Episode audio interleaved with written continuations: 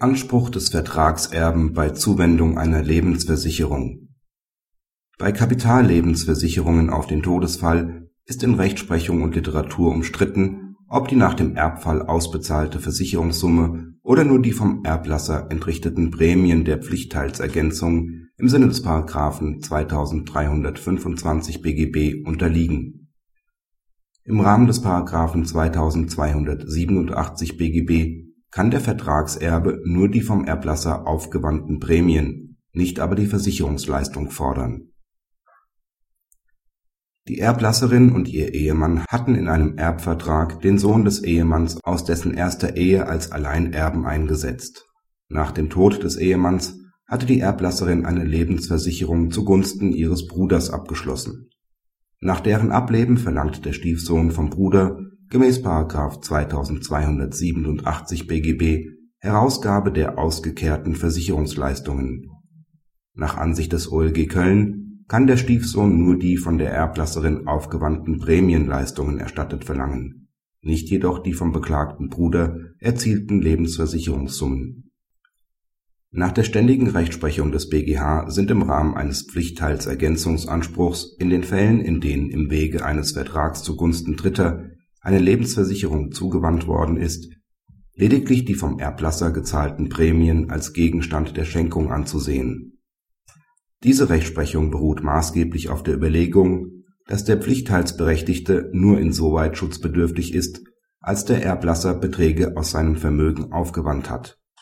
Soweit es um eine Lebensversicherung geht, bezieht sich dies jedoch nur auf die von ihm zu Lebzeiten gezahlten Prämien diese Rechtsprechung besteht auch derzeit uneingeschränkt fort.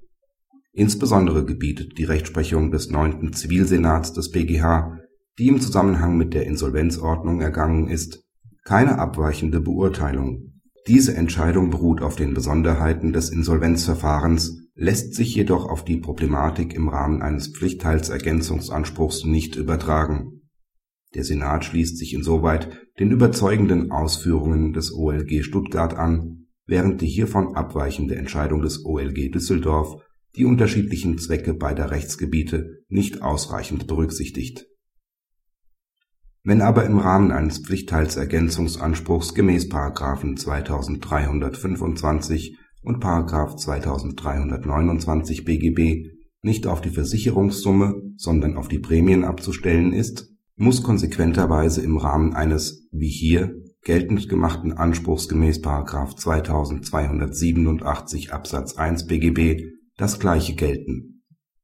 Während es im Rahmen der § 2325 und 2329 BGB um den Schutz des Pflichtteilsberechtigten vor einer Schmälerung des Nachlasses geht, soll § 2287 Absatz 1 BGB den Vertragserben vor einer entsprechenden Schmälerung des Nachlassvermögens schützen die Frage, was Gegenstand einer Schenkung im Rahmen der Zuwendung einer Lebensversicherung ist, kann sich deshalb nur einheitlich stellen und diese Frage kann auch nur einheitlich beantwortet werden.